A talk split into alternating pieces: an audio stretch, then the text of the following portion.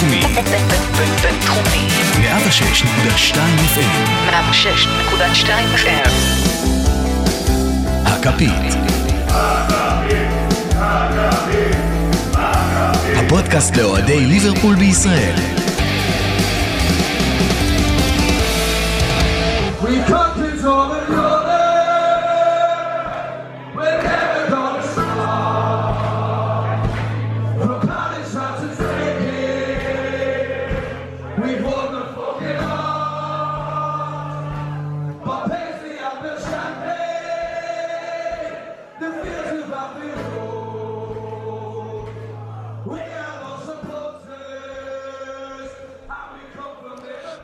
הבאים לפרק נוסף ושמח במיוחד של הכפית.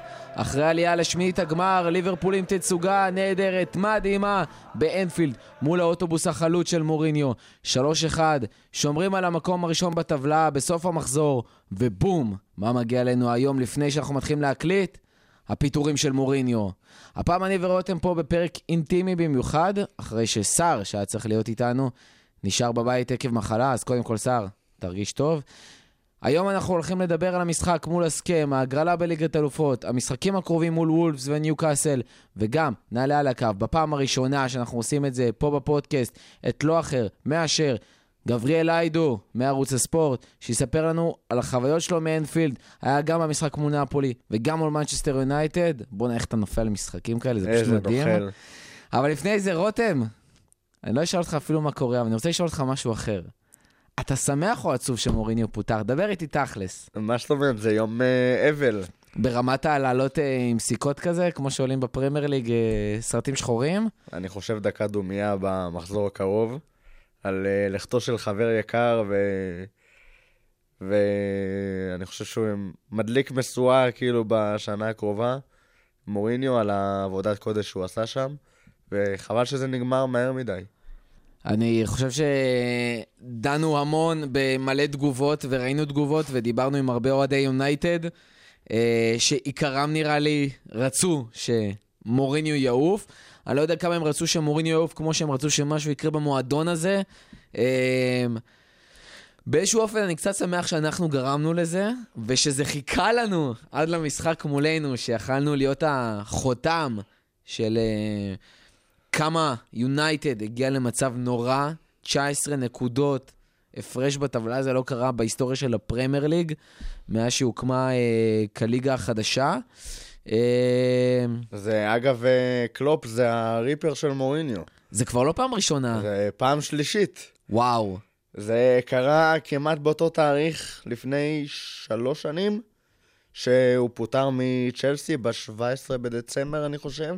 ולפני אה, כן, אחרי שקלופ ניצח אותו עם ליברפול.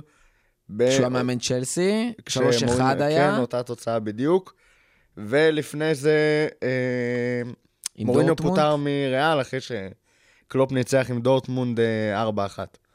וואו, אז אה, קלופ יודע את העבודה, אה, מה שנקרא בום. אה, זו אולי התגובה הכי, הכי טובה של, אה, שלנו לעניין הזה. אה, בקצרה, מה, מה, מה אתה חושב שיקרה היום עם מוריניו? זאת אומרת, אני מאמין שהוא לא... השנה הוא כבר לא יאמן בשום מקום. גם לא רואה אותו חוזר לפורטו. מה, מה כן? אני גם חושב שהוא ייקח איזה מנוחה לפחות עד הקיץ. אני ממש לא רואה אותו חוזר לאנגליה בזמן הקרוב עם, עם כל מה שהתקשורת עושה לו, ועם הרפיוטיישן שיצא לו ב, באנגליה ובממלכה. אה, לאן הוא ימשיך מעבר לזה? יכול להיות לפורטו, יכול להיות לאינטר, לטיפה למקומות שקצת יותר אה, אה, מתייחסים אליו בכבוד, כאילו כמו שהוא אוהב, מכבדים את הדברים שהוא עשה שם. מעבר לזה, אני חושב שהוא צריך לקחת תקופה קצת יותר ארוכה בשביל אה, להתעדכן עם הכדורגל המודרני. אנחנו כבר לא בשנות האלפיים המוקדמות, אדון מוריניו. האוטובוס שלך כבר לא עובד. כן, האוטובוס כבר חלוט ושרוף. אה, אני כן רואה אותו, נגיד, הולך לנבחרת פורטוגל כזה, נראה לי יהיה לו הרבה יותר נוח. כבר אף אחד לא יכול לבקר אותו על אה, רכש כזה או אחר. הוא יכול לשחק הגנה בשקט. אה, אבל די, חלאס מוריניו. בואו נדבר על הטירוף שהיה באנפילד, על הטירוף שהיה במייקס פלייס ביום ראשון. אה, מי שלא היה, אנחנו מצטערים בשבילכם. נהנינו בטירוף, הייתה אווירה מפגרת. רותם, רישומיך מהמשחק, מה-3-1, מול מנצ'סטר יונייטד, אנחנו מקום ראשון בטבלה. איך היה? איך אתה חווית את זה? אני חוויתי את זה בעונג גדול. אה, שאחד הרגעים שהכי זכור- זכורים לי מהמשחק הזה זה דווקא מלפני המשחק. דיברתי עם טאג'סי שלצערנו גם לפרק הזה לא יוכל להגיע, ושנינו היינו בשוק. ממש רגעים ספורים לפני שריקת הפתיחה. ו... והכל מתנהל על מי מנוחות, אף אחד לא לחוץ, הלב עדיין לא דופק. מה קורה פה? זה, זה ליברפול נגד מנצ'סטר יונייטד, או שזה ליברפול נגד אה, מכבי חיפה, כאילו, מה, מה, מה מתרחש פה? וזה היה מדהים, זו פעם ראשונה שאני מגיע למשחק כזה כל כך רגוע, כל כך בטוח בקבוצה שלנו, ובאמת ככה המשחק התנהל. אני חושב שהדופק שלי אה, עלה טיפה קצת אחרי השוויון וקצת לקראת הכניסה של שקירי, אבל שם בערך זה, זה הסתכם. טוב, אז בואו באמת נדבר על שקירי. כאילו, עלה כסב, לא פתח אפילו, עלה כמחליף. שני שערים, גם אם לא דפלקשן, גם אם היו ממצב כזה שנגעו באמת ברגל של שחקן של יונייטד. עזוב, נתן- ה deflection הזה זה. ש, זה שטויות. מוריניו אמר שזה מזל. כשאתה בועט 36 פעמים לשער, אז זה מול 6. זה ממש לא מפתיע ששלוש מהם ייכנסו, וזה גם מה שקלופ אה, עשה באיזשהו שלב. אמר, המשחק הזה אנחנו לא מנסים אה, להיכנס עם הכדור לשער, למרות שמאנה פחות או יותר עשה את זה, עם המסירה המדהימה של פביניו. וואו. אבל אה, כן, כמו שראינו בסביבות הדקה ה-50, היו כמה פרשנים באנגליה שפירשו את זה כתסכול, אולי מוריניו גם כן טען שהמשחק היה תחת שליטה, והנה הוא גורם לנו לבעוט כדורים ליציע, אבל זה היה מתוכנן לחלוטין, וזה עבד בצורה נפלאה. וכשאתה בועט כל כך הרבה מרחוק, אז 4, 5, 6, 7, 10, 15 כדורים יעופו ליציע, בסוף שניים ייכנסו, בין אם זה טיל לחיבור, בין אם זה deflection, בין אם זה השמטה, ככה אתה כובש. ודיברנו על זה בפרקים הקודמים, כמה חשוב, כמה חשוב לבעוט מרחוק, אנחנו מדברים על זה כבר שנים, הגיע הזמן והם קיבלו הוראות, הם קיבלו הוראות לבעוט.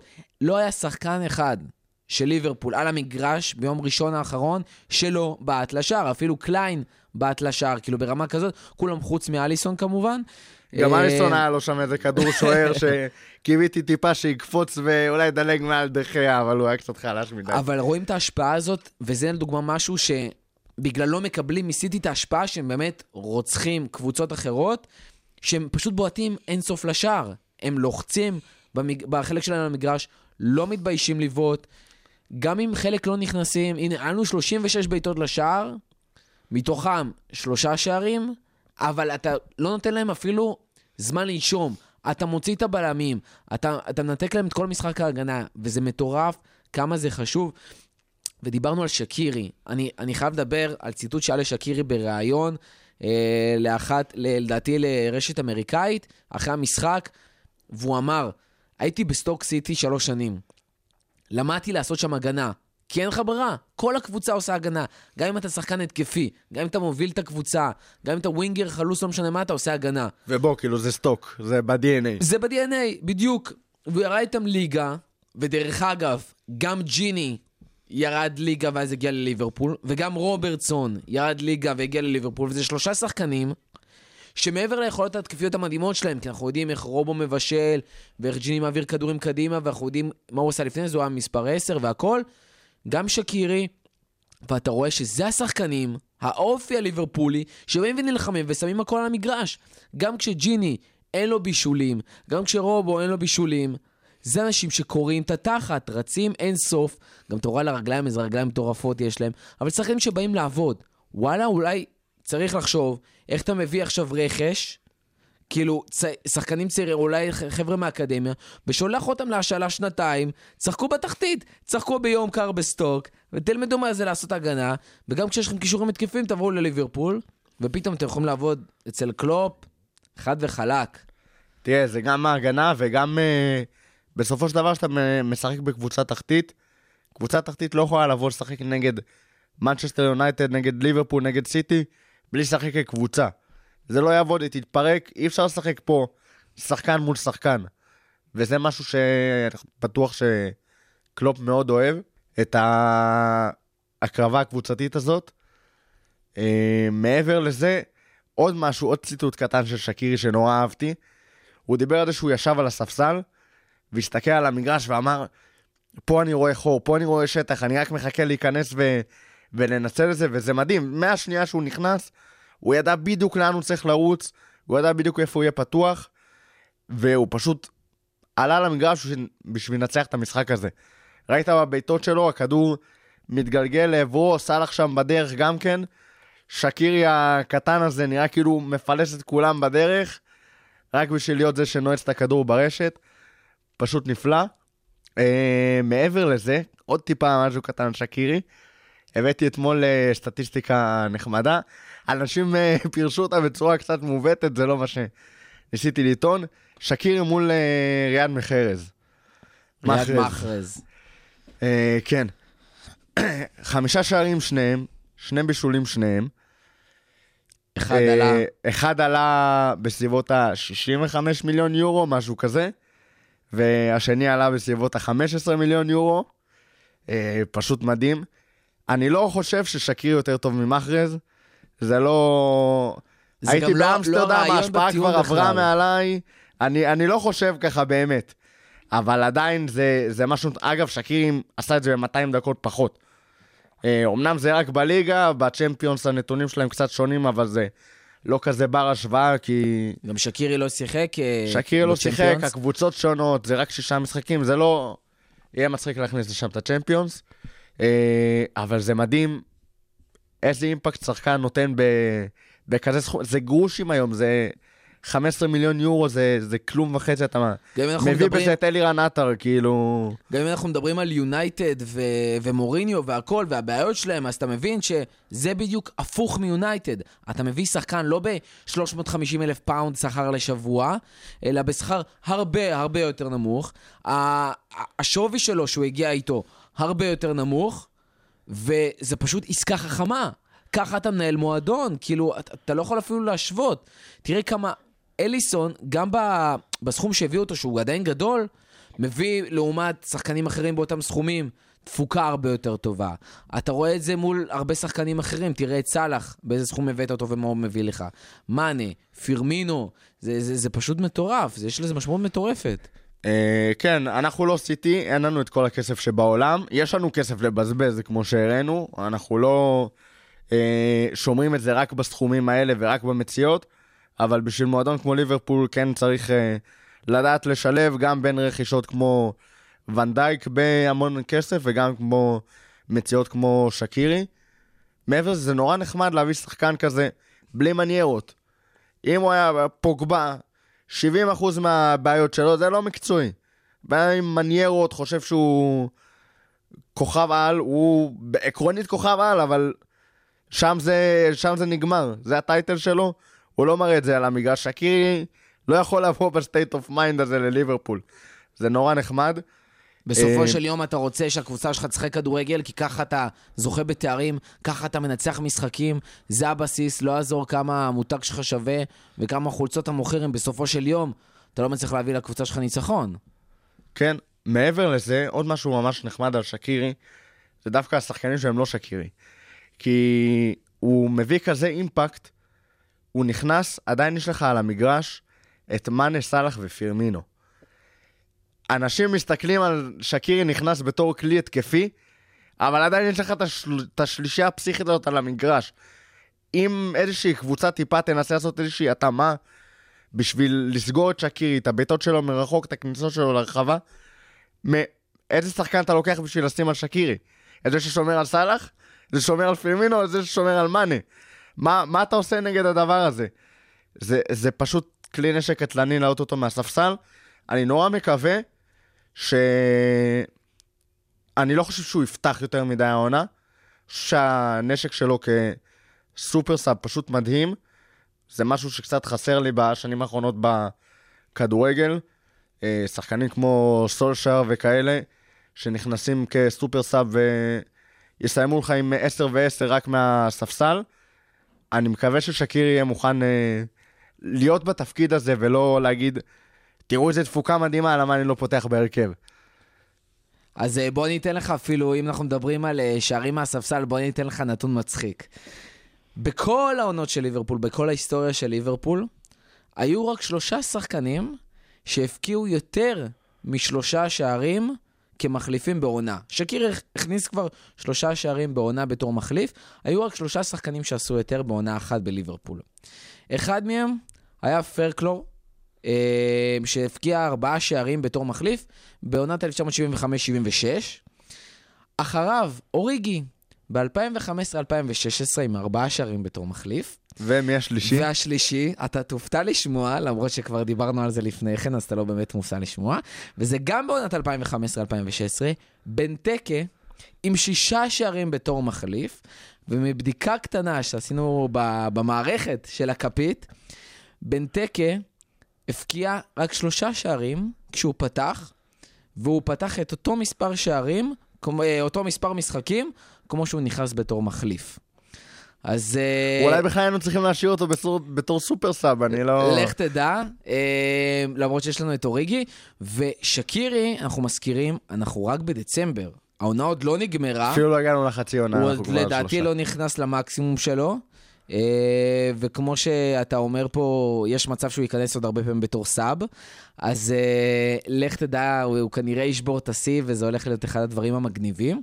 ואם אנחנו כבר מדברים על הכניסה של שקירי, אז דיברנו ב... באחד הפרקים הקודמים דיברנו על השינוי של המערכים. שיש לנו בעצם שני מערכים שאנחנו משחקים איתם, 4-3-3 ו-4-5-1.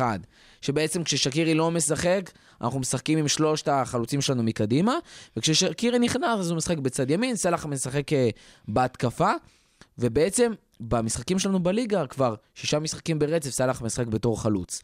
מה שקרה במשחק הזה, שראינו שני המערכים. כן, היה משהו היברידי ביניהם, כולל אה, דקות שהיה איזשהו שילוב ש... שנכנס ביניהם, כשקלופ בעצם העמיס את אגף ימין עם, אה, עם מאנה וסאלח ביחד על אותו אגף של אה, קליין, אולי קצת לפצות על החוסר אה, תרומה התקפית שלו. וכשרובו גם בצד שמאל, ונותן שם את התרומה ההתקפית שלו, וקייטה נתן יופי של עבודה, אבל גם ראינו שני מערכים. זאת אומרת, ראית 4-3-3 עם באמת עומס לצד ימין.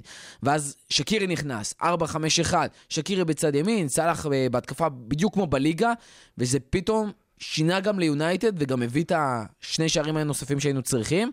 ואחרי זה גם שקירי מדבר ברעיון ואומר שבכלל, גם שיחקנו 4-4-2 לקראת הסוף.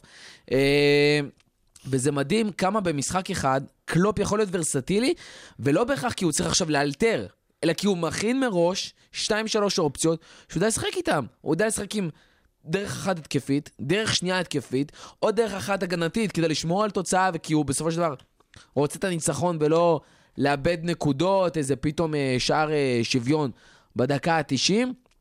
אה, וזה משהו שלדעתי השפיע עלינו בטירוף, והולך להשפיע הרבה יותר בהמשך של העונה. כן, מעבר לזה, זה יכול לעשות גם בלי חילופים. זה רק שינויים טקטיים שנעשים על המגרש, שזה גם כן כלי מטורף, שאתה לא חייב uh, להוציא שחקן, להחליף שחקן, בשביל לעשות את השינויים האלה תוך כדי תנועה. ברגע שזה יגיע לכדי uh, שלמות, זה יכול להיות גם uh, רבע שעה ככה, רבע שעה ככה, וכמו שאנחנו רואים לקראת סוף המשחק נגד יונייטד, זה גם לא חייב להיות סימטרי באיזשהו מקום. ברגע שאנחנו מגיעים באמת לרמת תיאום גבוהה, פתאום מעמיסים על אגף אחד, מעמיסים על אגף שני, בהתאם למי שמשחק מולך. ראינו את זה במיוחד שדלות יצא, והם עברו ל... והאגף של רוברטסון נפתח בעצם, אפשר לו לעלות, אז בכלל סאלח לקח ימינה, רובו פשוט שרף את הקו לבד לגמרי. מה שהוא עשה שם פשוט פסיכי.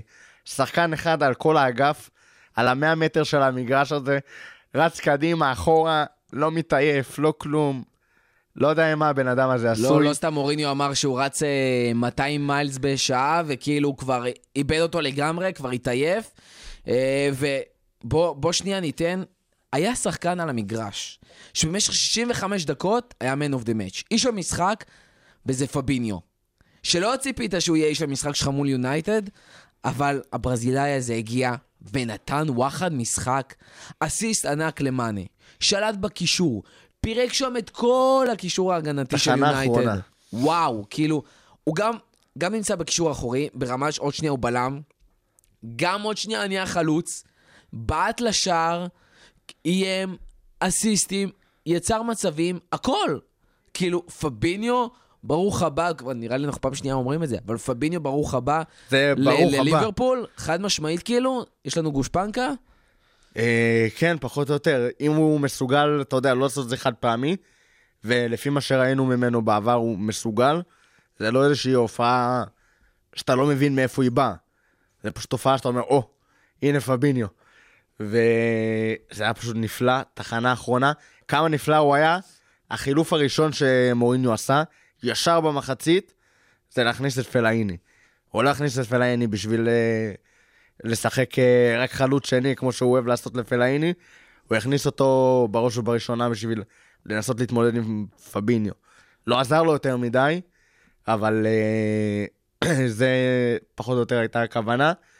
פעם אחת במהלך המשחק, פבינו טיפה איבד את, את פלאיני, שברח לו, וראית רגע אחרי זה, משהו מדהים, וירג'יל תפס את פביניו בחולצה, הראה לו בדיוק, חבר, אתה הולך לשם, אתה לא זז משם, זה מה שאתה, שם אתה צריך לעמוד. זה היה פשוט נפלא בעיניי, זה וירג'יל ונדייק.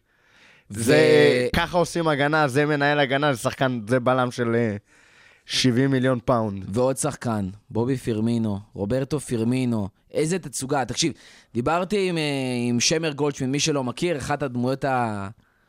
אה. מיוחדות, ססגוניות, בחוג אוהדים של ליברפול בישראל, ו... ושמר אומר לי, תקשיב, לא התלהבתי. עכשיו, למה לא התלהבת? לא התלהבתי, כי כאילו זה מה שאני כבר רגיל לראות, הוא לא עשה משהו מיוחד. אז בואו נגיד את זה, חד וחלק, לכל האוזניים שמאזינות לנו. זה שבובי פירמינו לא עושה לך משהו מדהים פתאום, מה שהוא עושה בדרך כלל, זה לא אומר שהוא לא נתן משחק מדהים. מסי, כשנותן פתאום עונה של רק 40 שערים ולא 45, לא אומר שהעונה שלו לא הייתה מדהימה. בובי פירמינו נתן תצוגה, הבן אדם לבד, אם דיברנו על זה שפביניו היה everywhere, הבן אדם לבד ניהל את כל המשחק. החלוץ, מספר התשע, שעבר את מספר עשר תוך כדי, היה גם ניהל את ההגנה, ניהל את הקישור, וניהל את ההתקפה, או שתהיה לך לנהל את אליסון. תצוגה כזאת לא ראיתי מלא זמן, וזה מדהים, דיברנו על זה קודם על פוגבה. מה, איזה הבדל בין שחקן עם הניירות לבין שחקן בלי? איזה שחקן שבא לקרוע את התחת על המגרש, וראית שאפילו בא ללכת מכות עוד שנייה, כאילו, בא לפרק את השחקנים, הוא רוצה לנצח. עם התפקוד שלו לאחרונה, אתה חושב שכבר אפשר להגיד ברצינות שאינו החלוץ? אה, אני חושב שזה כבר... זה לא מעניין חלוץ או חלוץ, זה כמו שקלופ אומר, הוא שחקן כדורגל, הוא עושה הכל. הוא פשוט, עזוב אינו החלוץ, הוא השחקן. כאילו, אין, היום... שח... קלופ מספר על מאמנים שבאו לראות את המשחק, וכולם שאלו, בואנה, מה, מה אתה עושה עם בובי פירמינו? איך הוא עושה את זה? כאילו, זה, זה מדהים, הוא מנהל את כל המשחק באופן שגם אם הוא לא, אתה יודע, הבעיטה שלו לשער לא ברמה הכי גבוהה, או האסיסטים, הכמויות שהוא עושה או לא זה, אבל הוא עושה דברים שכמעט אף שחקן היום בעולם לא מצליח לעשות. ברמת איך לדעת לשחרר כדור שנייה, גם לעשות הגנה, גם לעשות התקפה, לראות את כל הדברים, תנועה בלי כדור, זה, זה, זה משוגע. אתה יודע מה, מה עוד יותר יפה בעיניי? להרבה קבוצות גדולות אמרו שיש את השחקן שמנצח על התזמורת. זה היה צ'אבי בברצלונה, אה, כל מיני שחקנים כאלה שאתה יודע, הם העוגן של הקבוצה והכל בסופו של דבר סובב סביבם. בליברפול יש בערך אחד כזה בכל, אה, בכל עמדה במגרש. יש לך את ונדייק שמנצח על ההגנה, עכשיו פביניו נראה, נתן משחק פה של באמת מאסטרו בקישור, משהו מדהים. פירמינו מקדימה, אתה לא... פשוט מדהים אה, איך הקבוצה הזאת, כל מקום יש לך מי שינהל את המשחק, ועם קרח בוורידים, שיודע בדיוק מה צריך לקרות, איך צריך לקרות. זה מכונה שלא ראיתי בליברפול, בכל הזמן שאני צופה בכדורגל. אפרופו קרח בוורידים, קליין, ששיחק בשנה שלמה, שלושה משחקים, חוזר, נותן תצוגה לא מדהימה, אבל ביחס למי ששיחק שלושה משחקים בשנה, וואלה, נתן את העבודה, נכון, חסר לו בפן ההתקפי, אבל גם הגיע בזמן עם הפציעה של טרנט ושם פלסטר. אה, כן, תראה, אני אמרתי אחרי המשחק שהוא היה חלש. אה, קצת חוזר בעצמי, חלש הוא לא היה, אבל הוא באמת כאילו, הוא סגר מעולה את יאנג, שבקלות יכל לעשות שם אה, בעיות באגף. גם הוא- את רשפורד. גם את רשפורד, הוא נתן באמת משחק טוב הגנתית, גם התקפית, הוא עלה קדימה, הוא לא נשאר מאחור כמו שהוא בעט לשער. בעט לשער. אה, נתן משחק טוב, וכשמסתכלים באמת על העובדה שהוא היה באיזושהי הקפאה, כאילו, עתידנית כזאת, במשך איזה 12 שנה, ככה זה נראה לפחות, אז אה, זה באמת מרשים, וזה נותן איזשהו שקט, אבל עדיין משהו שם בהתקפה, כן הוא חלוד, הוא לא שיחק, זה קצת לא הוגן, אבל אני אומר את זה גם בהסתמך על איך שהוא שיחק כשהוא כן שיחק, אה, וכשהוא היה מועמד אולי למגן הימני הטוב באנגליה, ושהייתה שם מלחמה, ושחקן בין- לגיטימי בנבחרת. כן, הייתה שם מלחמה בינו לבין אה, רוז, ווקר. ב- בין ווקר לבינו ב- בנבחרת. אה, גם אז, אבל הוא לא ידע לתת את הפן ההתקפי הזה, ואני חושב שזה מה שיכול מאוד לפגוע בנו, כי המגנים והעלייה שלהם קדימה מאוד קריטיים לסגנון של קלופ לאחרונה. היכולת לרווח את המשחק, שיהיה לך את המגן שפתאום אתה מוצא אותו עושה עקיפה לווינגר באזור ה... לכיוון הדגל הקרן, זה משהו קריטי. גם המהירות, גם הסיבולת לרוץ כל כך הרבה, הכל, לחרוש את הקו, הקרוסים, קרוסים. כן, הטרנט, אה, הקרוסים שלו לא מדהימים, אבל עדיין היציאות שלו קדימה מתוזמנות בצורה נהדרת לרוב. אה, אני מפחד קצת מהסיפור הזה, וגם היה קשה לו לתת משחק נפלא נגד, אה, נגד יונייטד הזאת, ועם כל מה שקרה מסביב. המשחק מאוד עזר לו להיכנס ל- לעניינים. זה כן מרשים שהוא הצליח לעשות את זה, אבל אני מפחד קצת מול וולפס. טוב, אנחנו כבר נראה מה נעשה מול וולפס, אנחנו יכולים לדבר על, אה, על משחק מול יונייטד עוד הרבה הרבה הרבה הרבה, אבל בוא, במקום זה, נשמע ממישהו שהיה במשחק, מישהו שהיה במשחק מול נפולי, היה במשחק מול יונייטד, הביא לנו, הביא לנו שני ניצחונות. רגע, יש לנו אותו? מעולה. טוב, אז מה קורה, עידו? אתה כאן איתנו בפודקאסט הכפית. אה, אני אריאל רותם כאן איתי, אה, ורצינו להתקשר ולשמוע איך היה באנפילד. חזרת לארץ מתי? חזרתי אתמול, אני עדיין מרחף, וכל אחד שעובד איתי בערוץ היה פשוט חייב אה, לברך אותי אישית על שהצלחתי במשימה. אז אנחנו הצלחתי גם... יותר מדי, כי מוריניו עזב, לצערנו. כן, דיברנו על זה קודם. הספק- הספקתי לשיר ככה מכל הלב, fuck off מוריניו, וזה יישאר תמיד. אז אנחנו גם רוצים לברך אותך, וחייבים להגיד שגם אמרנו קודם, אנחנו מאוד מקנאים איך נפלת על אה, משחק כזה, משחקים כאלה. אה, אז אה, בוא, בוא תספר לנו, מה, מה ראית, מה עשית, מה היה, קצת מהאווירה. תראו, זו נסיעה שתכננתי כבר חצי שנה, ורק סיפרתי עליה בשבוע שעבר, כי לא רציתי לנחס, ו... ורק קיוויתי שהכל יעבוד טוב, אבל ברגע שאמרתי שאני בשני המשחקים האלה, פתאום הבנתי כמה שני המשחקים האלה קריטיים. משחק על עלייה, שלא ידעתי מההתחלה שזה מה שיהיה, ומשחק מול יונייטד שידעתי שבכל מקרה חייבים לנצח. וככל שה stakes יותר גבוהים, אתה פשוט לא רוצה לצאת שם בלי ניצחון. ומשחק על כל הקופה מול נפולי זה משחק שאתה יודע, בדקה 90 הם יכולים להעיף אותך עם איזה גול מקרי. גם אם אתה מוביל 2-0, אז- זה משחק שאתה לא נושם בכלל. ו... ואליסון משאיר אותך בחיים, ו... וישבתי במיקום מדהים באמצע, ו... ו... וכל האווירה, ובאותו רגע רק הגעתי לליברפול, הכל מתערבב לך ביחד עם האלכוהול ועם ה... ועם התחושה הזאת שוואו, אני באנפילד סוף סוף אחרי שבע שנים ארוכות מדי, אבל עשיתי את המשימה הזאת, הבאתי את העלייה, יאללה, בוא עכשיו, יונייטד, אסור עכשיו לפשל, חייבים לנצח.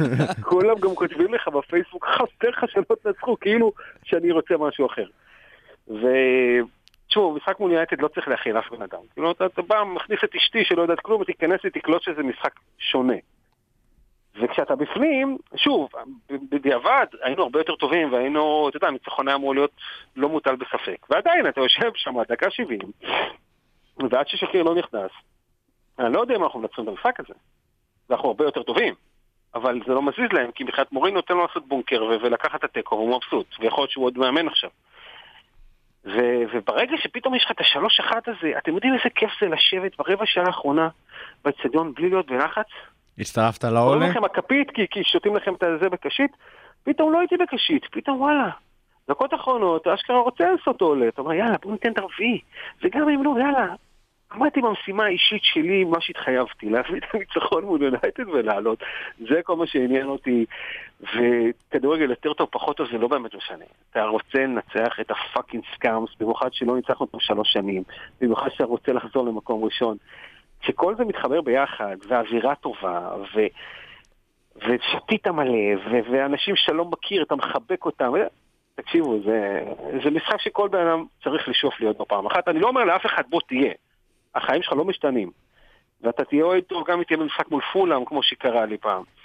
אבל זה עוד איזה בונוס כזה, שיגיד בואנה הייתי במשחק מול הסקאמס וניצחנו אותם. זה, זה נחמד מאוד להוסיף את זה. אז אתה אומר, אה, שבע שנים לא היית באנפילד, מרגישים את ההבדל? כאילו, מהתקופה... לחלוטין, לחלוטין, לחלוטין. התחושה, אוהדים, איך, כאילו, מה הם אומרים, איך זה מרגיש, מה, מה, מה ההבדל הזה? אוקיי, קודם כל הבדל פיזי, כי נגיד החנות של האיצטדיון שהייתה פעם בתוך האיצטדיון, היא פתאום הזיזו אותה הצידה, בנו איזה מבנה חדש. שיפצו, מאז שהייתי פעם אחרונה, נהיה קני דגליש stand. הכל שופץ, שודרג קצת. עכשיו, גם אם, אתה יודע, ה Main Stand נראה אותו דבר יחסית, וקני דגליש בנוי על, על מה שהיה פעם ה Centenary, הוא יותר גדול, יותר מרשים, אה, כל מיני סמנטיקות וקוסמטיקות מסביב, ופתאום האיצטדיון נראה ממש ממש מרשים בלילה, אפילו יותר מבדרך כלל. אבל ההבדל מבחינתי היה, שאני הייתי פעם אחרונה במשחק שפאקינג רוי אודסון היה מנג'ר, ה manager. הכושל שהיה לנו בשלושים שנה האחרונות, והיו שם שחקנים כמו קריסטיאן פולסן ופול קונצ'סקי, שאני קיללתי אותם במשחק שלנו, וראינו איזה 1-0 מאפן עם גול של טורס, שעזב חודש אחר כך. ופתאום אני חוזר למשחק fucking ליגת אלופות על עלייה, אחרי שכבר היית בגמר, ואז משחק מול יונייטד במאבק שאתה רוצה לחזור להיות מקום ראשון. זאת אומרת, מבחינת השאיפות שלנו, זה היה בדיוק כמו שהאיצטדיון עכשיו מכוון ל- לרמות הכי גבוהות, ליותר capacity, ליותר אווירה סביב משחק, וגם תכלס, גם כלכלית, יותר כסף לקופה פר משחק, לעומת מה שהיה פעם, כאילו, אז הרגשת כאילו, בואנה, אני, אני בבית המקדש, אבל הכוהנים לא לבושים, הלוויים לא נכנסו בכלל, אה, כי הם חטאו בכל מיני פשעים עם כל מיני, אה, אתה יודע, אה, מצורעים, ופתאום אני מגיע למקום הזה, ובואנה, בית המקדש מוכן, והכהן הגדול מתכונן, אתה כאילו, זה אשכרה האווירה הכי דתי שאתה יכול להיות בשביל מישהו חילוני. וואו, באמת, אה, אתה אני יודע... אתן לכם סיפור קטן. כן, הסתובבתי יאללה. בבריסטול, הסתובבתי בבריסטול, אני פתאום רואה איזה מלא דגלים של פלסטין. סתם אמרתי איתו בוא נראה מה זה, סתם ככה בסקרנות, אני רואה שם בריסטול לאב פלסטיין. אוקיי, סבבה, לגיטימי, מותר לכם. ואז מתחילה לדבר איתי הבחורה, ואני כל אנגליה אסובב עם כובע גרב של ליברפול וצעיף. גם כיכר, בעיקר כיכר. בעיקר כיכר. אז היא אומרת לי, תגיד לי, מאיפה אתה, כאילו, כאילו, אמרתי לה, לא, לא, אני לא מליברפול. היא אומרת, אה, כי אני מליברפול, וזה פה ושם. וואלה, איזה קטע וזה. אז אומרת לי, אתה? אני אומר, מישראל, וזה פה ושם. בקיצור, אנחנו מתחילים לדבר על פוליטיקה. הגענו מהר מאוד להבנה ששנינו לא אוהבים את ביבי. אבל ברגע שהתחלתי מזה שאני אוהד ליברפול, והיא אומרת לי, אתה יודע מה, מה המזבח שלי? הקופ זה המזבח שלי. אז כבר נהיינו חברים, זה כבר לא היה עניין של כאילו, אתה יודע, היא בת- כביכול אה, פרו-פלסטינית ואני ישראלי, זה כאילו לא שינה כלום, כאילו היינו באותו מקום, אנחנו שנינו ליברפולים. אני מבחינתה, וואלה, ראיתי את הישראלי המושלם, אתה יודע, לא אוהב את המדיניות של ביבי, ואוהד ליברפול, אתה מבין? כאילו הדברים האלה מחברים, כאילו כל הגישה הייתה שונה לגמרי, אתה מבין? אין, זה, זה גם מחבר אותנו מאוד know למה שקורה עם סאלח. מה זה? אני אומר, זה מחבר אותנו גם לכל מה שקורה עם סאלח, כאילו, שאתה אומר, אתה כבר, לא מעניין אותך כלום, כולנו אוהבים את ליברפול, כולנו רוצים שהוא והקבוצה יצליחו, ופאק איט. יפה. אני למשל, אני מנסה לא להיכנס למקומות האלו, וכאילו, אתה יודע, אני מבחינתי אחלה שחקן, וגם איראני אני אהיה בעדו וזאת, אתה יודע, לי זה מאוד לגיטימי, אבל נגיד הגיעו כמה אוהדי ליברפול למשחק האחרון, וישראלים, והצטלמו עם אוהדים של אה, מצרים, עם הדגלים והכל. ותשמע, זה נחמד לראות, אתה יודע, המצרים לא מתים עלינו, אנחנו לא אגיד לך שאנחנו מתים עליהם יותר מדי, למרות שיש, אתה יודע, איזה סוג של אה, הסכם שלום. האנשים, הדבר שיחבר אותם זה לא זה שיש הסכם שלום, אלא זה שפתאום ישראלים תומכים בסאלח, אתה יודע. והדברים הקטנים האלה, ובכלל, אגב, אני חייב להגיד לכם, אני ראיתי כל כך המון ישראלים בליברפול וסביב ליברפול, והמשחק, תקשיבו, יש באז מטורף סביב הקבוצה שלנו, שלא יחטפו לנו אותה, אנחנו לא רוצים שאנפילד יהיה קמפנועו, אני לא רוצה טיולי בר מצווה, אני רוצה עדיין שאנשים, אתה יודע, ירגישו, בואנה, אנחנו אוהדי ליברפול ואנחנו עוד, עוד לפני הזרם, אני לא רוצה את כל אוהדי ההצלחות, שיגיעו אחרי שיהיו הצלחות, אבל כמה שיותר אה, זה, ואפרופו אוהדי הצלחות, היה שם אוהד אחד עם אוהד, צעיף של מכבי תל אביב, מסתובב לי באמצע ליברפול. עכשיו, אם לא נוציא של מכבי תל אביב, שהוא ישראלי, אני אבוא להתחיל לדבר איתו, אבל אתה מסתובב לי עם צעיף צהוב וזה, עם כל הכבוד של מכבי, אתה מפקד בליברפול, זה אדום. עם צעיף של מכבי תל אביב על התיק, ועם זה כובע אדום, כאילו, כאילו, הוא לא יכול לחיות עם זה, זה אדום, הוא צהוב וזה. אמרתי לו, אני לא מדבר איתו, מה התחיל לדבר איתו? מסתובב לי עם צעיף של מכבי תל אביב. טוב שלא בא עם צעיף של אה, מכבי פתח תקווה. ואז זה כן, זה בכלל כחול ובליברפול. אה, איידו, הגרלה, כן. מיד אחרי המשחק מול יונייטד, הוגרלנו מול ביאן מינכן לליגת אלופות למחזור הבא, שמינית הגמר. מה אתה אומר על המפגש הזה? כששאלו אותי ממש יום אחרי המשחק אה, ברדיו מה אני רוצה, אמרתי שאני לא רוצה את דורטמונד ואני לא רוצה את יובנטוס. כי אני אוהב את את דורטמונד וחושב שהם טובים, ומפחד מיובנטוס בטח בשלב הזה. שאלו אותי על ביירן, אמרתי, אתם יודעים מה, אם יש שנה, זה השנה. כי הם קצת אה, נחלשו, טיפה שבעים, אליפות הם לא ייקחו, ואני לא מאוד מחזיק מהמאמן שלהם, קובץ' שזה. אז אני חושב שקלופ יכול לעשות לו שם שיעור. שוב, הייתי מעדיף משחק שני בבית, מצד שני היה לנו את ונדייק, אז אולי עדיף שיהיה לנו את ונדייק למשחק השני. אני נותן לנו 60% לאירו. פותחים אדסטארט, אה, להטיס אותך לשם? להעלות את הסיכויים שלנו? אולי לליגת אלופות, כל אני משחק. מוכן להגיד, אני פנוי להצעות. כאילו, אני לא יודע אם אשתי, אבל אם יגידו לי, גברי, בוא, שלם לך על טיסה במשחק, יאללה, נראה לי נמצא פתרון עם האישה, אתה יודע. אתה תחיה עם זה בשלום, אתה אומר. חבר'ה, אבל ליגת אלופות זה בונוס. אנחנו צריכים fucking להיאבק על הליגה עד הסוף. זה, זה הכי חשוב, זה הלחם שלנו. ומה הווייבים צריכים- בעיר? מה, יש- וייבים? יש וייבים של של אליפות? הם לא רואים בעיניים. יש, אני אגיד לך מה, אני, התקשורת הכי טובה זה לקלוט את ההלך רוח, זה לנסוע עם נהגי מוניות ולפגוש אנשים ברחוב ומה הם חושבים. ומהר מאוד אתה קולט מי אוהד ליברפול ומי לא. זאת אומרת, אם זה בפאב ונכנסת לבוש בתור אוהד ליברפול ומקבל איזה עקיצה ממישהו, אתה מבין שהוא איזה טופי מתוסכל, אז אתה אומר לו, מה שלמה ריגי, ואז אתה מרגיע אותו. אבל אוהדי ליברפול, אז נהג מונית אומר לי, happy days, happy days. כאילו, לא מדברים אנחנו נאבקים אליפות, אלא ימים טובים, כאילו, כי זו עונה טובה, אתה מרגיש שאנחנו שמה ואנחנו נראים רב. happy days, ככה קוראים לזה, לא אמרנו שום דבר. לא יותר מדי סיכוי, אני לא יכול להגיד לכם יש לנו יותר או פחות. אנחנו fucking in the race, ואנחנו צריכים להישאר שם כמה שיותר. אז עם ה happy days האלה, באמת אנחנו נסתכל קדימה ונגיד שבסופו של דבר, בואו נהנה ממה שיש לנו. יש לנו קבוצה מדהימה, חזקה, אפשר לעשות הכל. אה, גברי, תודה רבה, יאללה חברים. היה תענוג. ו...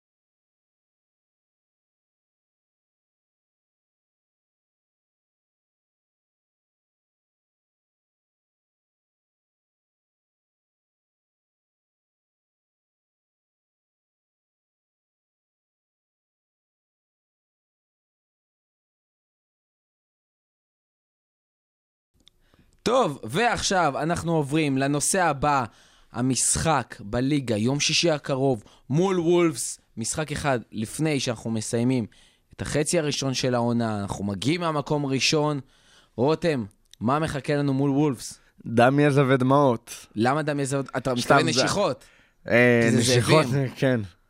אה, סתם, דמעות אני לא חושב שיהיו, אני חושב שננצח את המשחק הזה.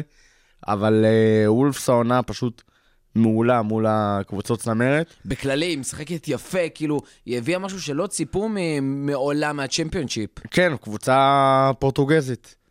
אה, למהדרין פחות או יותר. מאמן פורטוגזי, חצי מההרכב פורטוגזי, סוכן סלאש אה, מנהל אה, סלאש יועץ סלאש פיזיותרפיסט. בוחש בכל מקום במועדון הזה. אה, כן, פורטוגזי. אה, זה, זה וולפס. אה, אז כמו שאמרנו, מול קבוצות הצמרת העונה, אה, תוצאות פשוט מעולות. ניצחו את צ'לסי ממש אה, לא מזמן, בחמישי בדצמבר לפני שלושה משחקים, 2-1 בבית. הוציאו תיקו מול ארסנל בחוץ. הפסידו. בקושי לטוטנאם 2-3 בבית. אם איכשהו ת- נעשה איזה ג'סטה קטנה לאוהדי מנצ'סטר המסכנים, אז אה, הם גם הוציאו תיקו נגד אה, יונייטד, ותיקו נגד סיטי. תודה רבה לך, וולפס. אה, יכול להיות שהאובדן נקודות הראשון העונה של אה, סיטי. אה, באותו שלב. באמת אה, קבוצה קשוחה. קבוצה קשוחה, אם אני לא טועה, פייטרית. הם הפקיעו יותר שערים מאשר שספגו מול כל הקבוצות האלה. זאת אה, אומרת... כן, אה, כבשו מול אה, קבוצות הצמרת שבעה שערים, ספגו שישה. אה, קבוצה קשוחה, הגנה מעולה, הגנה החמישית בטבעה ב- בליגה. ממש לא מובן מאליו בכלל לא. מקבוצה שרק עלתה מהצ'מפיונשיפ. אנחנו מזכירים שהקפטן, הבלם של וולפס, קודי קואדי, לא, קונור קואדי. קונור קואדי, סליחה, שחקן לשעבר של ליברפול, שגדל בנוער של ליברפול, אני כבר חשבתי שלא יצא ממנו כלום, פתאום, out of nowhere, עולה מהצ'מפיונשיפ, נותן תצוגות הגנה, מוביל את ההגנה של וולפס להיות top 5 בליגה, וואו. כאילו, זה, זה מרשים. אה, כן, לפעמים אה, הנוער שלנו צריך אה, למצוא את דרכו החוצה בשביל אה, להצליח קצת. מעבר לזה, אבל ההתקפה שלהם לא, לא כל כך פוגעת. ההתקפה ה-13 ב-13 בטבעה בליגה, רק אה, 19 שערים הם כבשו ב-17 משחקים, שזה אגב גם אה, מספר השערים שהם ספגו. ממוצע אה, לא מי יודע מה, בתור תקופ... אה, קבוצת אה, התקפה, אבל... אה, והם עומדים מול ההגנה הכי טובה בליגה. עכשיו, הם מגיעים אחרי שלושה ניצחונות רצופים, אני לא טועה, בליגה.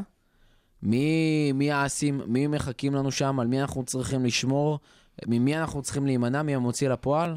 אה, בראש ובראשונה ראובן נבס. זה אני חושב האיום הכי גדול. זה מדהים איך הוא הגיע לוולפס, כאילו, וכשהוא עבר לוולפס היא שיחקה עוד בצ'מפיונשיפ שנה שעברה.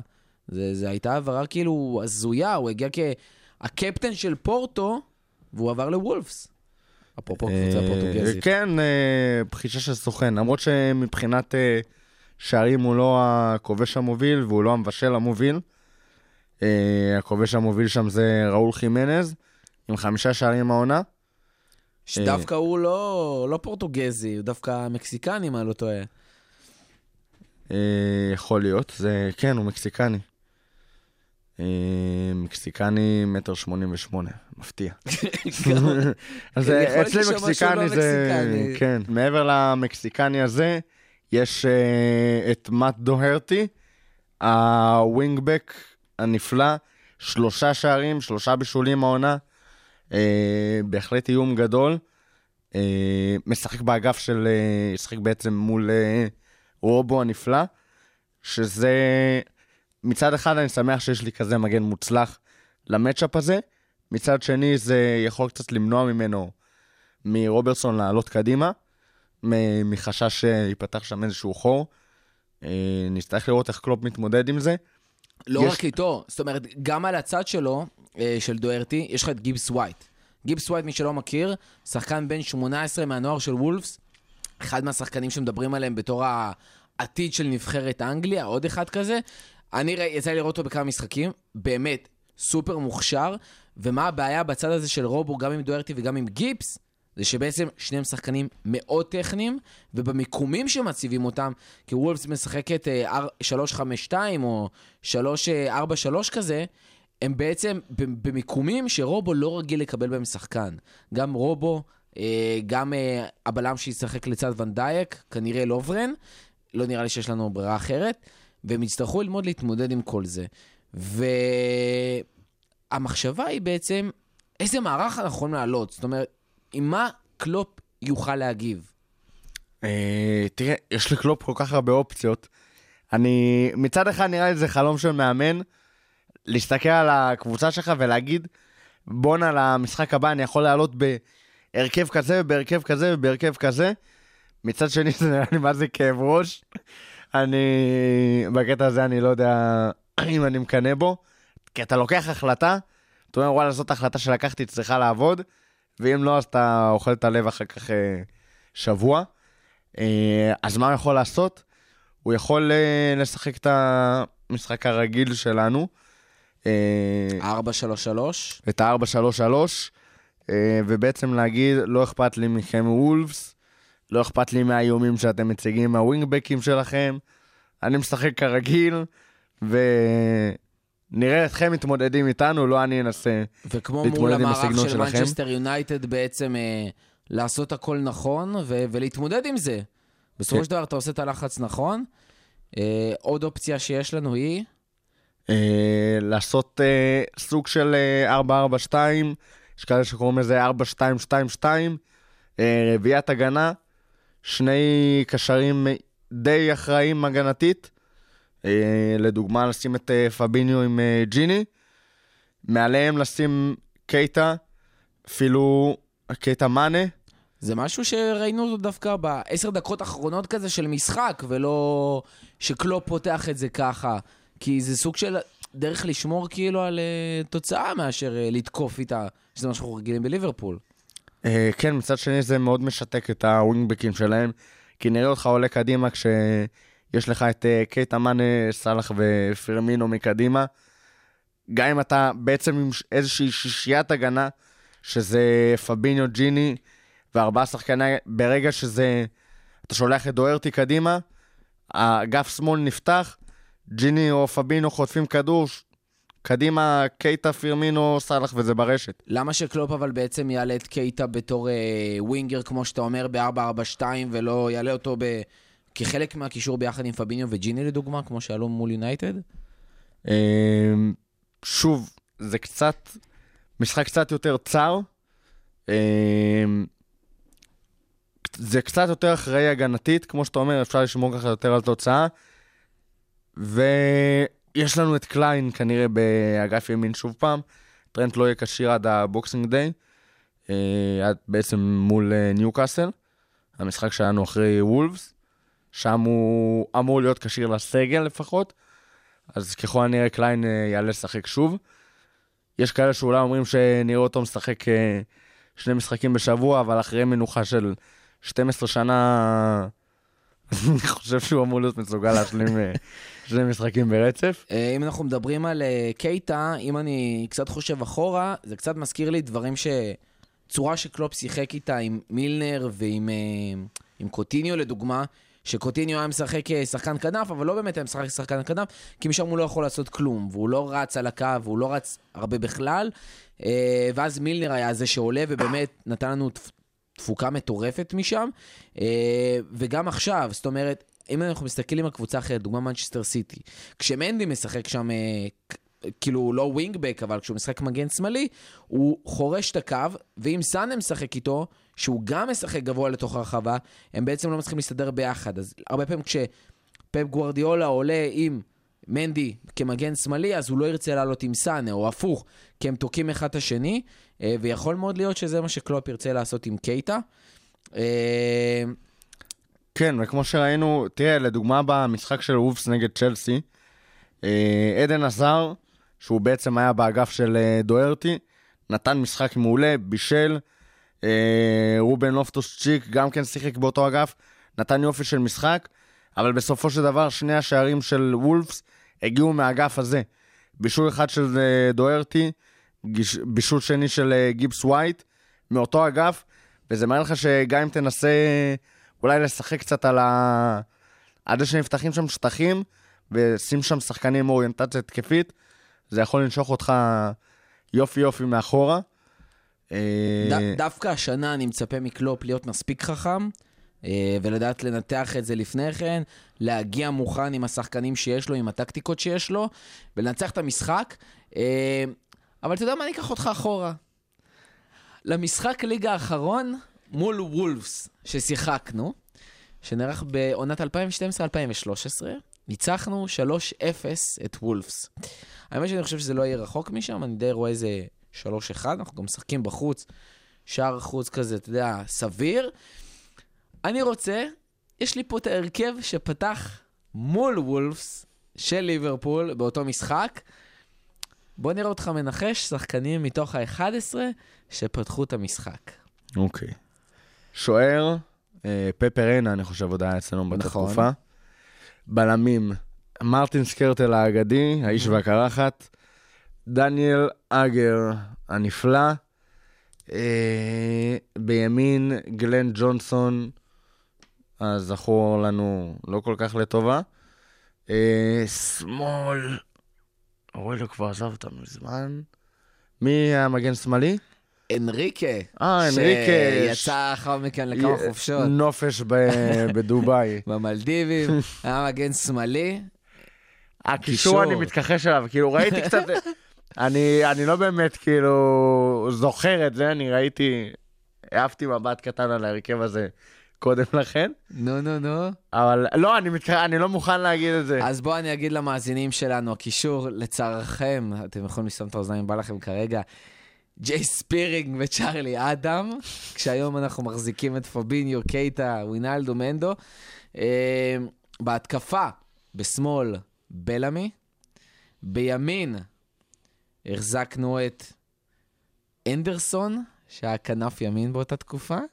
ימים חשוכים. אה, החלוץ, אנדי קרול האגדי, ומתחתיו אחד השחקנים היחידים השפויים בהרכב הזה, דיר קאוט. זה היה ההרכב האחרון שעלה מול וולפס. אנחנו יכולים להגיד בפה מלא, איזה כיף, איזה כיף, שאחרי כמעט שש שנים, אנחנו במקום אחר לגמרי, לגמרי, לגמרי, לגמרי ממה שהיינו באותה תקופה. אתה רוצה, המשחק הזה נשמע כמו חוליגן אנגלי, ג'יי ספירינג, עם חבית בירה בשם צ'ארלי אדם. אני לא יודע אם בליגה האירופית אנחנו אה, עם הרכב כזה. ואחריהם רודף אה, סוס משטרתי בשם אנדי קארול. זה ממש. נשמע כמו איזה מצע לבדיחה ההרכב הזה. טוב, אז קצ... קצת אחרי אה, וולפס, שלושה ימים, ארבעה, לא, אפילו חמישה ימים חמישה אחרי, זה יום יש- רביעי. יש טיפה מנוחה אנחנו, הפעם. כן, אה, וואלה, סבבה דווקא יחסית לתקופה הזאת, אנחנו מגיעים ל Boxing Day, המשחק האחרון, בחצי העונה הראשונה, אנחנו משחקים מול ניוקאסל, אותה מאמן לא פחות מרפה בניטז. Agent בניטז. Agent בניטז, בבקשה, תביא לנו ניצחון וסגור לנו את החצי הראשון של העונה ככה מתוק, אה, מקום ראשון בליגה. מה מחכה לנו בניוקאסל? בואו נעשה את זה בקצרה. אה, בניטז, אחרי תקופה קשה, התחיל את הליגה, ניוקאסל התחילו את הליגה עם עשרה משחקים בלי ניצחון, תיקו אחד ושמונה, תש, שמונה הפסדים, תשעה הפסדים, אה, קשה מאוד. אבל חודש נובמבר הוא זוכה למאמן החודש בפרמייר ליג. אה, הוא באמת הצליח אה, ככה לעלות חזרה בשבעה המשחקים האחרונים, יש לו כבר ארבעה ניצחונות. אה, הם מצליחים לעלות, ולפנינו יש להם גם את פולאם, ככה שהם יכולים, שבמצב באמת מזעזע, הם יכולים לקבל ככה ביטחון לקראת המשחק, אבל בתכלס, לא, זה משחק שאני לא חושב. שבאמת יש... אה, אפילו לקלופ, אם הוא ינסה, אני לא חושב שיש דרך לחרב אותו. אה, אני חושב שאם מוריניו יהיה על הקווים במשחק הזה, אנחנו עדיין צריכים לנצח אה, את אה, ניוקאסל בבית. עם כל הכבוד להתאוששות המרשימה שלהם ולפורמה היחסית טובה, למרות שאחרי נובמבר מוצלח הם אה, פתחו את אה, דצמבר עם אה, הפסד אה, 3-0 עם אה, וסטאם בבית, עשו תיקו עם אברטון, הפסידו לוולפס שוב בבית, וניצחו את אה, אדרספילד בחוץ במחזור האחרון 1-0, שאדרספילד, עם כל הכבוד, זה קבוצה בערך ברמה של מנצ'סטר יונייטד.